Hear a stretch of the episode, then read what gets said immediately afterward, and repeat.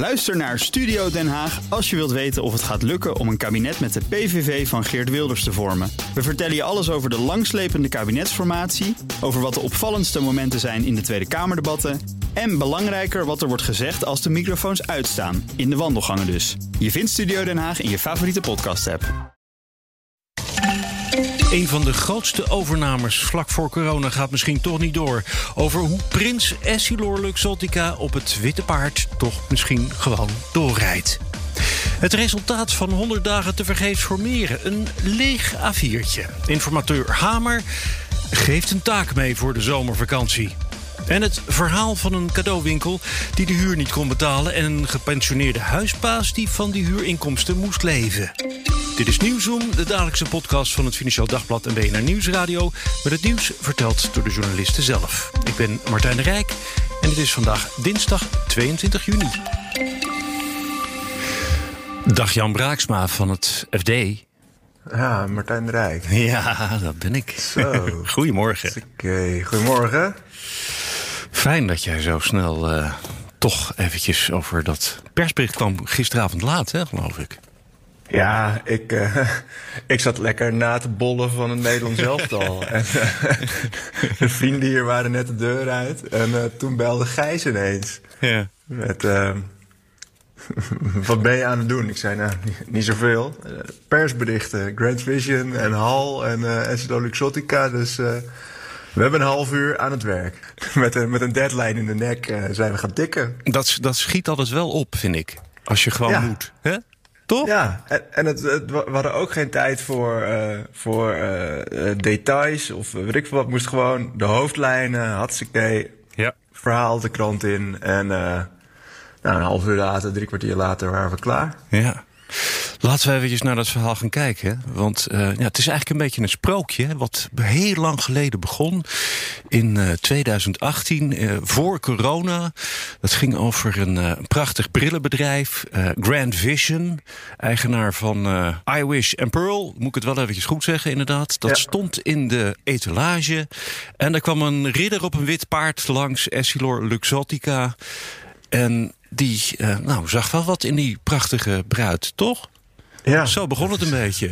Ja, dat is wel heel poëtisch. Maar zo is het inderdaad wel, ja.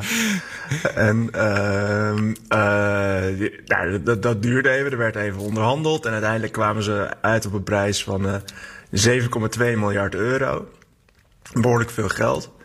Ja. Um, en uh, een van de grootste deals in, in Europa van dat jaar. Dus, en en een, een aardige klapper voor, voor Hal, de, de groot aandeelhouder van Grand ja. Vision met meer dan 70% van de aandelen. En dan moeten en we er altijd we zeggen ook de, ja. de, eigenaar van het uh, FD en BNR. Ja, dat moeten we er altijd even bij zeggen. Inderdaad, ja.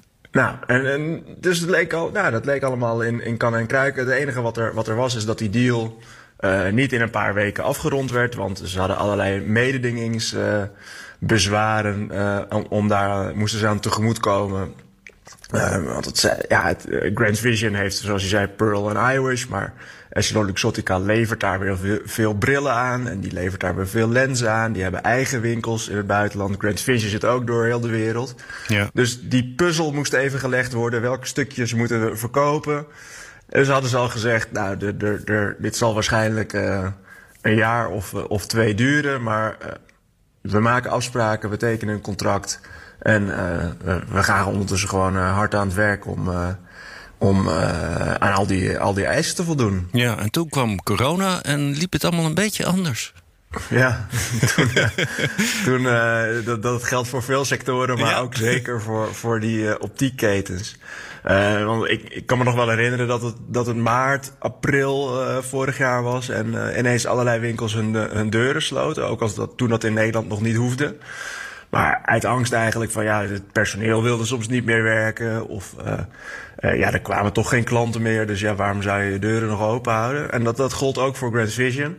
Uh, dus die hebben hun winkels toen een tijdje dicht gehad. En die hebben toen, zijn toen naar hun leveranciers gegaan en hebben gezegd... nou, we gaan jullie eens wat later betalen, want uh, het is allemaal zo onzeker. Er komt geen euro meer binnen. Ja. Uh, wij wachten wel even. Nou, die hebben de huur ook. Die winkels waren toch dicht, dus die hebben tegen hun huurbazen gezegd... Uh, wij betalen volgend jaar wel weer eens. nou, dat, dat, daar is het eigenlijk uh, misgegaan tussen, tussen Grand Vision en, en Essilor Luxottica. Ja, want vergeet bijvoorbeeld ook niet dat, je zei het al eventjes, Essilor Luxottica was ook uh, eigenaar, is eigenaar van Ray-Ban en ook uh, leverancier van, van Grand Vision. Dus ja. ze, ze, werden eigenlijk een beetje dubbel geraakt hè, door, die, door die stap. Ja, precies. Dus, dus inderdaad, ze, ze werden dubbel, dubbel geraakt en um, de, al heel snel ja, uh, bleek toch dat daar, dat daar, uh, ja, dat, dat er, dat er heibel was. Hè? Het, het sprookje zoals jij het uh, zo mooi schetste. Uh, nou, kwam een, hoe, hoe, zeggen we dat? Een grote boze wolf of zo? ja. en en um, nou, er, zijn wat boze brieven over en weer gegaan. En op een gegeven moment nou, bleek het echt mis. Zij is in de rechtbank beland. Uh, uh, heeft Essilor een beslag laten leggen op uh, terabytes aan data bij Grand Vision en, uh, en Hall. Ja, want eventjes um, voor de duidelijkheid, ze waren heel boos over al die maatregelen. En ze wilden een beetje van die deal af, hè? Daar kwam het op neer. Ja, ze zeiden jullie hebben de, we, we hebben een contract afgesloten. daar hebben we allerlei voorwaarden in, in afgesproken. Jullie hebben je niet aan die voorwaarden gehouden. De belangrijkste voorwaarde is eigenlijk tussen het tekenen van de deal en het afronden van de deal blijven jullie het bedrijf runnen zoals jullie dat altijd doen. Ja. Dus uh, je gaat niet ineens uh, van een, een uh, van, van een brillenzaak een autoverkoper worden. Of je zegt niet ineens, nou weet je, ja, we hebben wel winkels in Nederland, maar daar stoppen we gewoon mee. Ja. Dus je blijft eigenlijk op de winkel passen, om het heel ja. oneerbiedig te zeggen. Um, en uh, zei, nou, um, in die coronacrisis hebben jullie afgeweken van wat jullie normaal gesproken doen. Want jullie hebben de huur bijvoorbeeld niet meer betaald een tijdje. Jullie hebben je winkels dicht gedaan. Uh, nee. Jullie hebben leveranciers laten betaald. Nou, dat is niet zoals je normaal gesproken zaken doet. Uh, daar is een, een nou ja, dan huren die bedrijven de, ongeveer de halve Zuidas in uh, met z'n allen. En dan wordt er over gesteggeld. Als dat zo zou zijn, als dat koopcontract geschonden is, dan zou Essilor van de deal mogen afzien. Zonder daarvoor een boete of, of iets anders wat in het contract staat. Er staat een, een boete van 400 miljoen in dat contract. Auw, dus het ja. ging ook over, over veel geld. Je kan niet zomaar van een, van een deal afzien. Het is net als je wanneer je een huis koopt. Als je je handtekening hebt gezet. Uh, nou, dan moet je een, een verdomd goede reden hebben om, uh, om uh, er nog onderuit te kunnen. Dat is ook zo als je een bedrijf koopt. Um, nou, dus toen, toen, is er gesteggeld in Nederlandse rechtbanken, waar uh, Grand Vision en, en Hal twee keer uh, hebben gewonnen.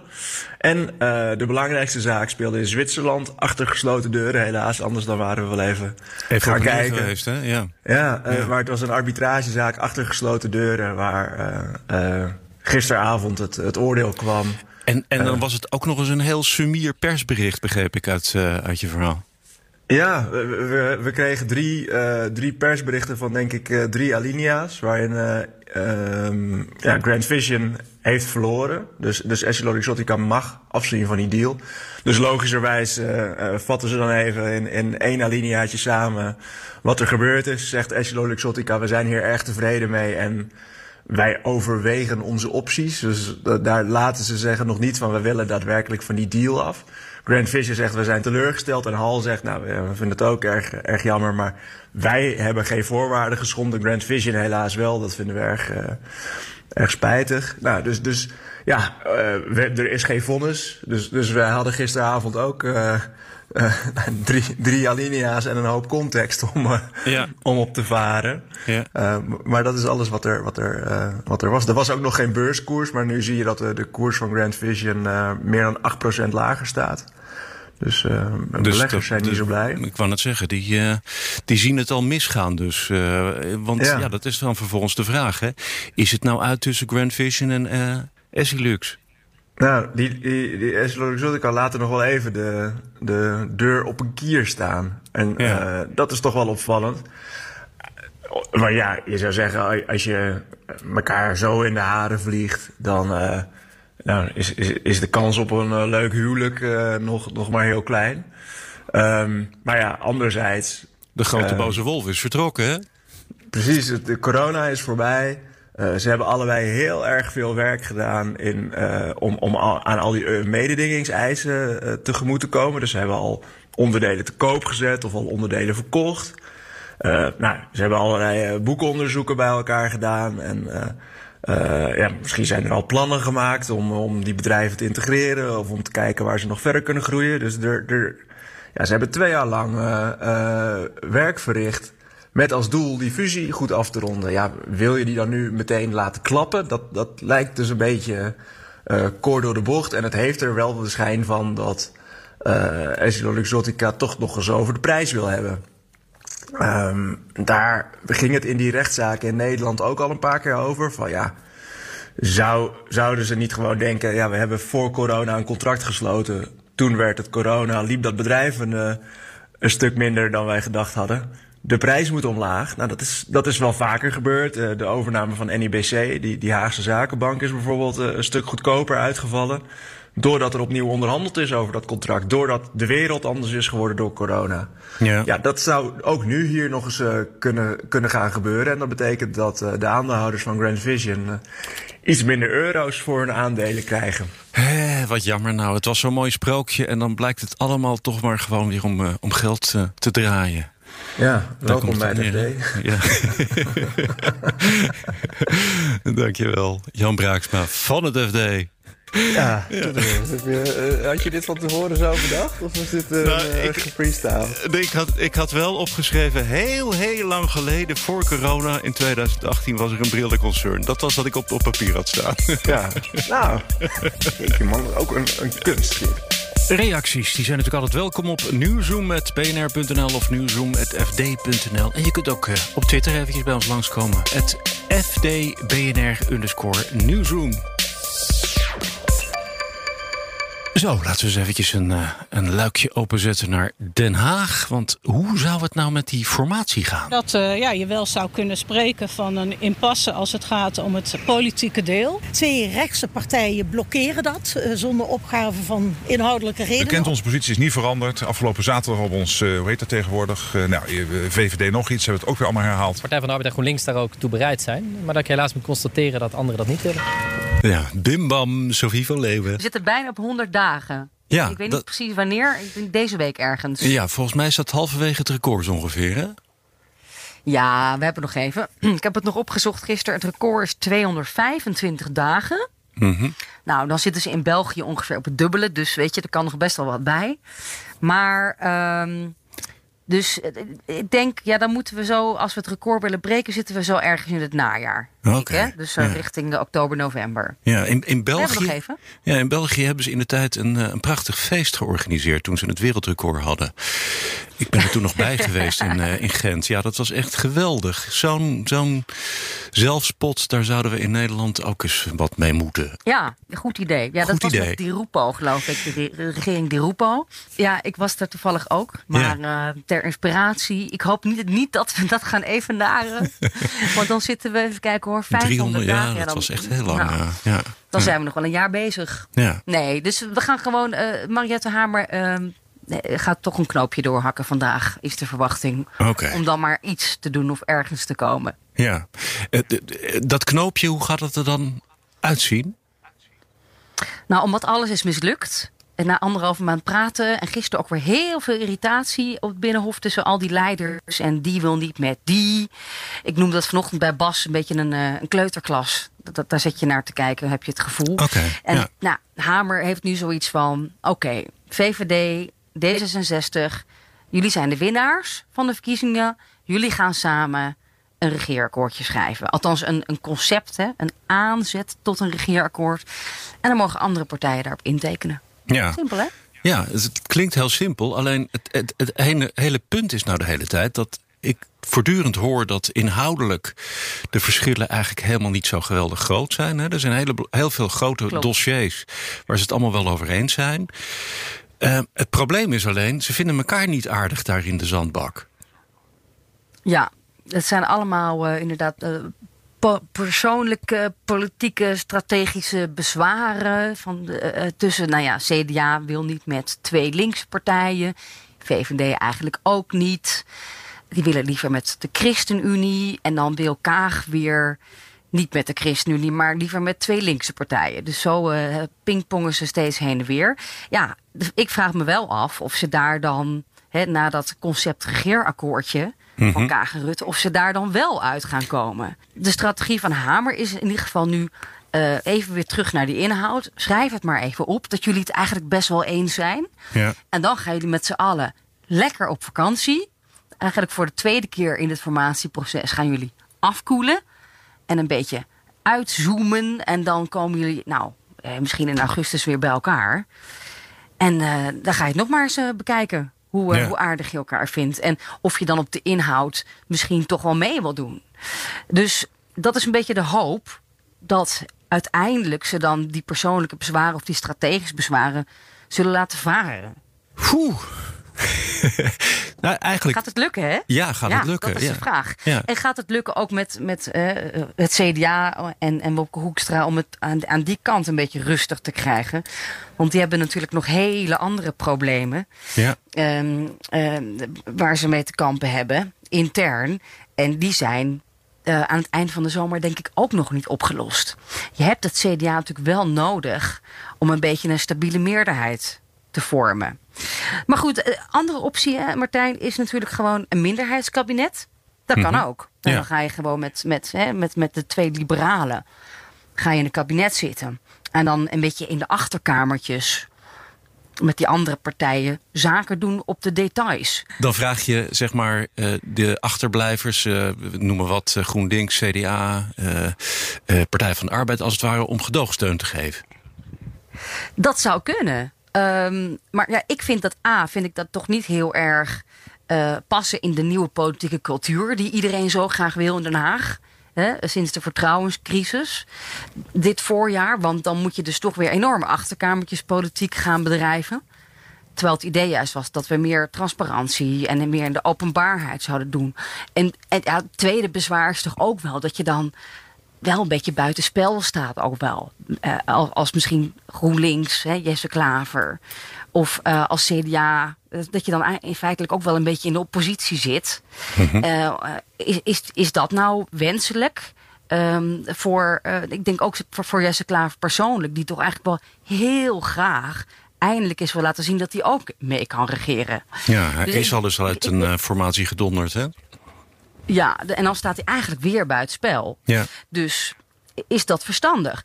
Eh, ja, en natuurlijk nog de vraag: gaan ze elkaar dan toch nog uit elkaar laten spelen? Hè? GroenLinks Ja. en de PvdA uiteindelijk. Is dat nog loslaten, Een ja. optie. Ja. Mekaar loslaten.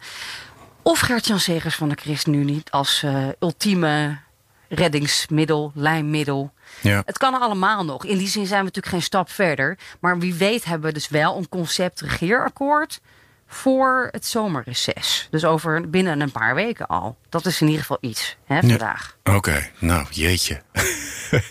maar dan moet dus eerst vandaag nog die vraag komen, of die opdracht komen van Hamer aan het duo, aan het liberale duo, om, eh, om nou eindelijk eens een keertje wat op papier te zetten. Ja, en we wachten op haar verslag. Nou, dat zou deze week ook komen. Daar krijgen we dan waarschijnlijk een Kamerdebat over. Dus eh, dat wordt wel weer interessant. Ehm, maar we wachten inderdaad op Hamer tot zij de formele opdracht geeft aan Rutte en Kaag. Ik denk dat ze dat wel zullen accepteren. Hier heb je een A4'tje. Schrijf het maar op. het, je moet optimistisch blijven, hè, Martijn. Het is in ieder geval een stap die we vandaag gaan maken. Ja, Ehm, na de toch wel treurigheid van gisteren op Binnenhof en eh, al die irritatie nou ja. die we daar hebben gezien de afgelopen maanden. In ieder geval is het weer een stuk beter. Dus misschien dat het, eh, dat het helpt. Dat kan ook helpen. Ja, ja. Eh, en, en een beetje rust, hè? want die, die vakantie eh, die ze willen nemen is ook wel, wel nodig. Er zitten veel mensen tegen de burn-out aan na de coronacrisis in Den Haag. Eh, ik denk ook wel dat het echt nodig is voor, voor, voor velen om even, even rust, te- rust te pakken en een paar weekjes bij te komen. En dat kan ook wel weer, nou, misschien wat nieuw optimisme op het Binnenhof brengen. Goed zo. Dankjewel, Sophie van Leeuwen van eh BNR Nieuwsradio.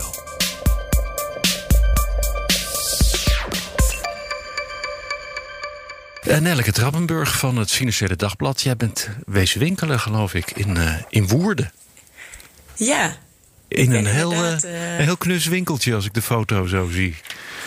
Nou, het was best een grote winkel. Want ik had haar al aan de telefoon gehad. En, Ja. ze hadden het over een cadeautjeswinkel. Dus ik had inderdaad een wat kleiner... eh, maar het is best wel een grote winkel. Het was ook vroeger een, eh, televisie- en radiozaak. Dus het is was wel een flinke afmeting. En aan de, het had ook twee ingangen. Aan de ene kant, aan de winkelstraat, is echt het winkelgedeelte. En een trapje af aan de andere kant, ook weer aan een grote winkelstraat, was dan een soort eh, ja, koffie, mm, koffiebar. Oké. Dus het is daar inmiddels weer een beetje gezellig? Ja, toen ik er was, eh, zaten er wel weer wat mensen op het terras. Eh, en liepen er ook wel weer wat mensen door de winkel. Het komt weer een beetje tot leven. Ja, ja. Want dat is dus wel eventjes anders geweest. Als ik eh, je verhaal zo lees, dan hebben ze een zware tijd achter de rug.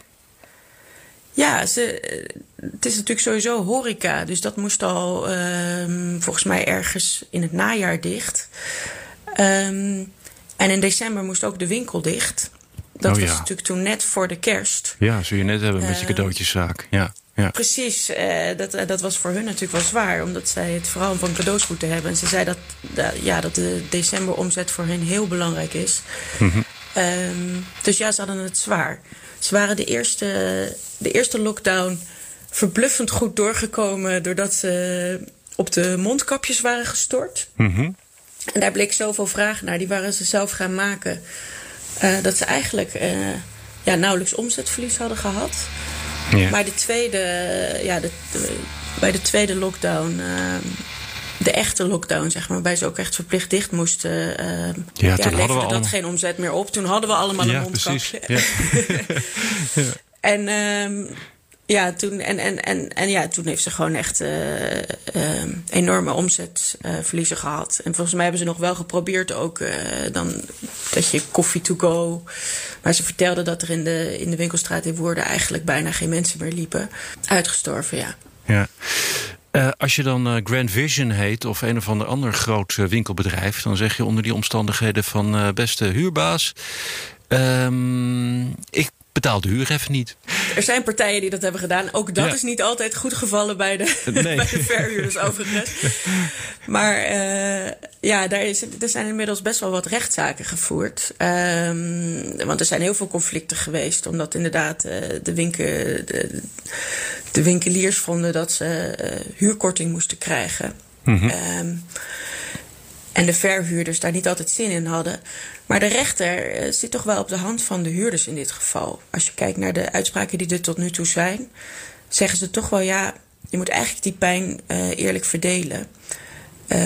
Of die pijn verdelen. En, en ja, het hangt een beetje per uitspraak af van hoe dat dan wordt, eh, wordt ingevuld qua of het dan de helft van de omzetverlies of de helft van de huur. Of, Maar er is in ieder geval eh, wel een, een, een luisterend oor bij de rechter om met Ja. zo'n winkelier mee te gaan in principe. Ja, de grote lijn is wel dat de, de rechter eh, ja, vindt dat de verhuurder ook moet meedelen. Ja. Nou, nou, nou moeten we toch eventjes noemen dat dit winkeltje waar, we, waar jij over geschreven hebt, dat het ook heet? Toch? Ja, het heet ook. Ook, Ja. ja. Eh, en zij hebben ook eh, nagedacht over die huur. Ja, zij zijn ook naar een verhuurder gestapt. Ehm, dat ze, eh, ja, of, of, of die wat korting kon geven. Ze wilden 35% minder huur betalen.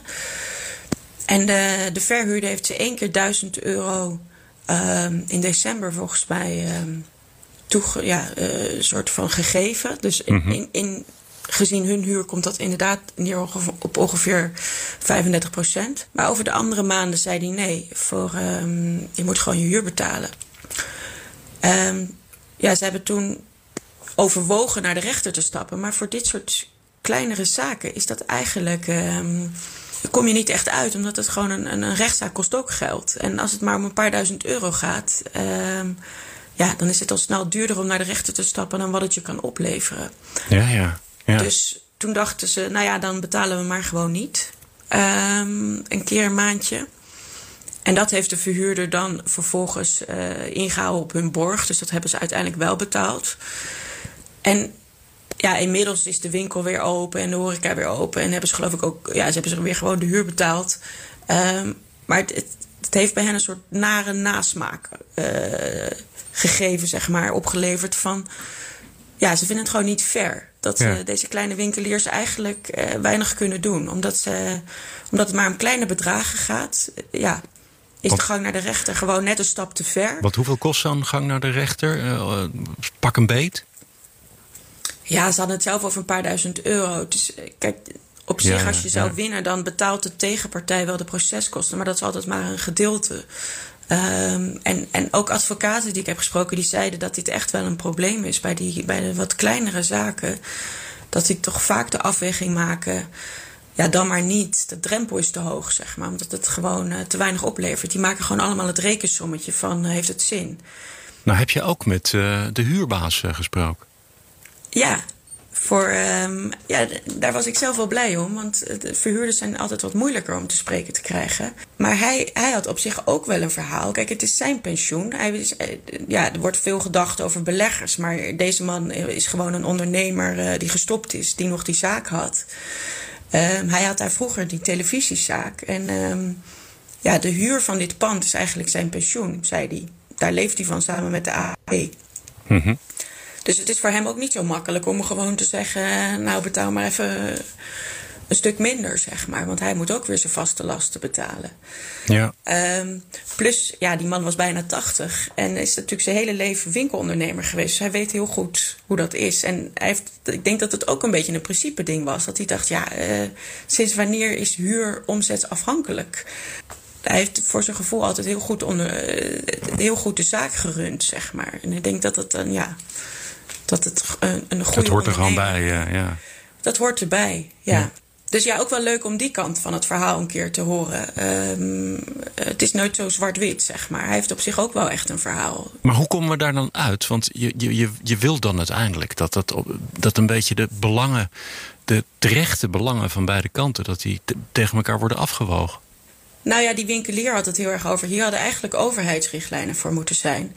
En die verhuurder zei ook wel: kijk, als de overheid had gezegd: je moet zoveel korting geven, had ik dat gewoon gedaan. Ja. Ehm, dat je denkt, ja, voor dit soort gevallen, waar de gang van de rechter misschien niet helemaal eh, de juiste weg is, omdat het gewoon te duur is, ehm, was dat misschien wel eh, ver geweest als er overheidsrichtlijnen waren geweest. En waarom waren die eh, er niet? ja, economische zaken zegt dat het wel is overwogen, maar dat daar geen wettelijke grondslag voor was om als overheid huurkorting af te dwingen.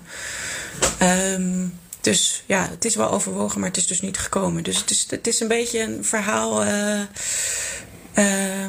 ja, waar ze. f- Voor je telefoon. van, ja, er gaan allemaal, gaan allemaal piepjes.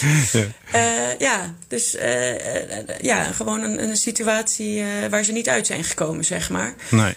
Maar die voor die groep winkeliers wel vervelend is. Want Ja. die moeten het dus eigenlijk maar slikken. Het ondertussen ook overal kleine, kleinere rechtszaken. Hè? Want dat, er zijn er een paar die toch gedacht hebben van we, gaan ervoor. Ja, dat, zullen we, dat zal veelal om grotere bedragen gaan.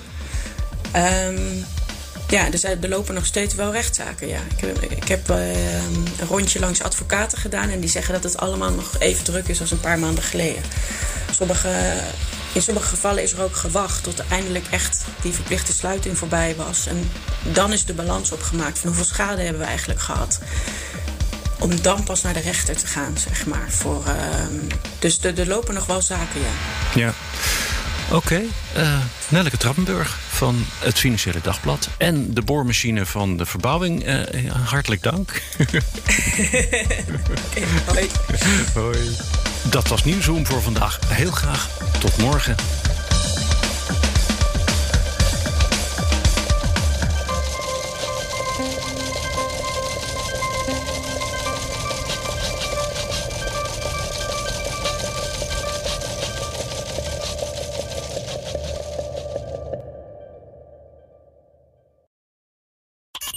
Harm Edens vind je in de BNR-app. Je kunt BNR Duurzaam niet alleen live luisteren in de app, maar ook terugluisteren als podcast, zoals al onze podcasts. En naast dat de BNR-app Breaking News meldt, houden we je ook op de hoogte van het laatste zakelijke nieuws. Download nu de gratis BNR-app en blijf scherp.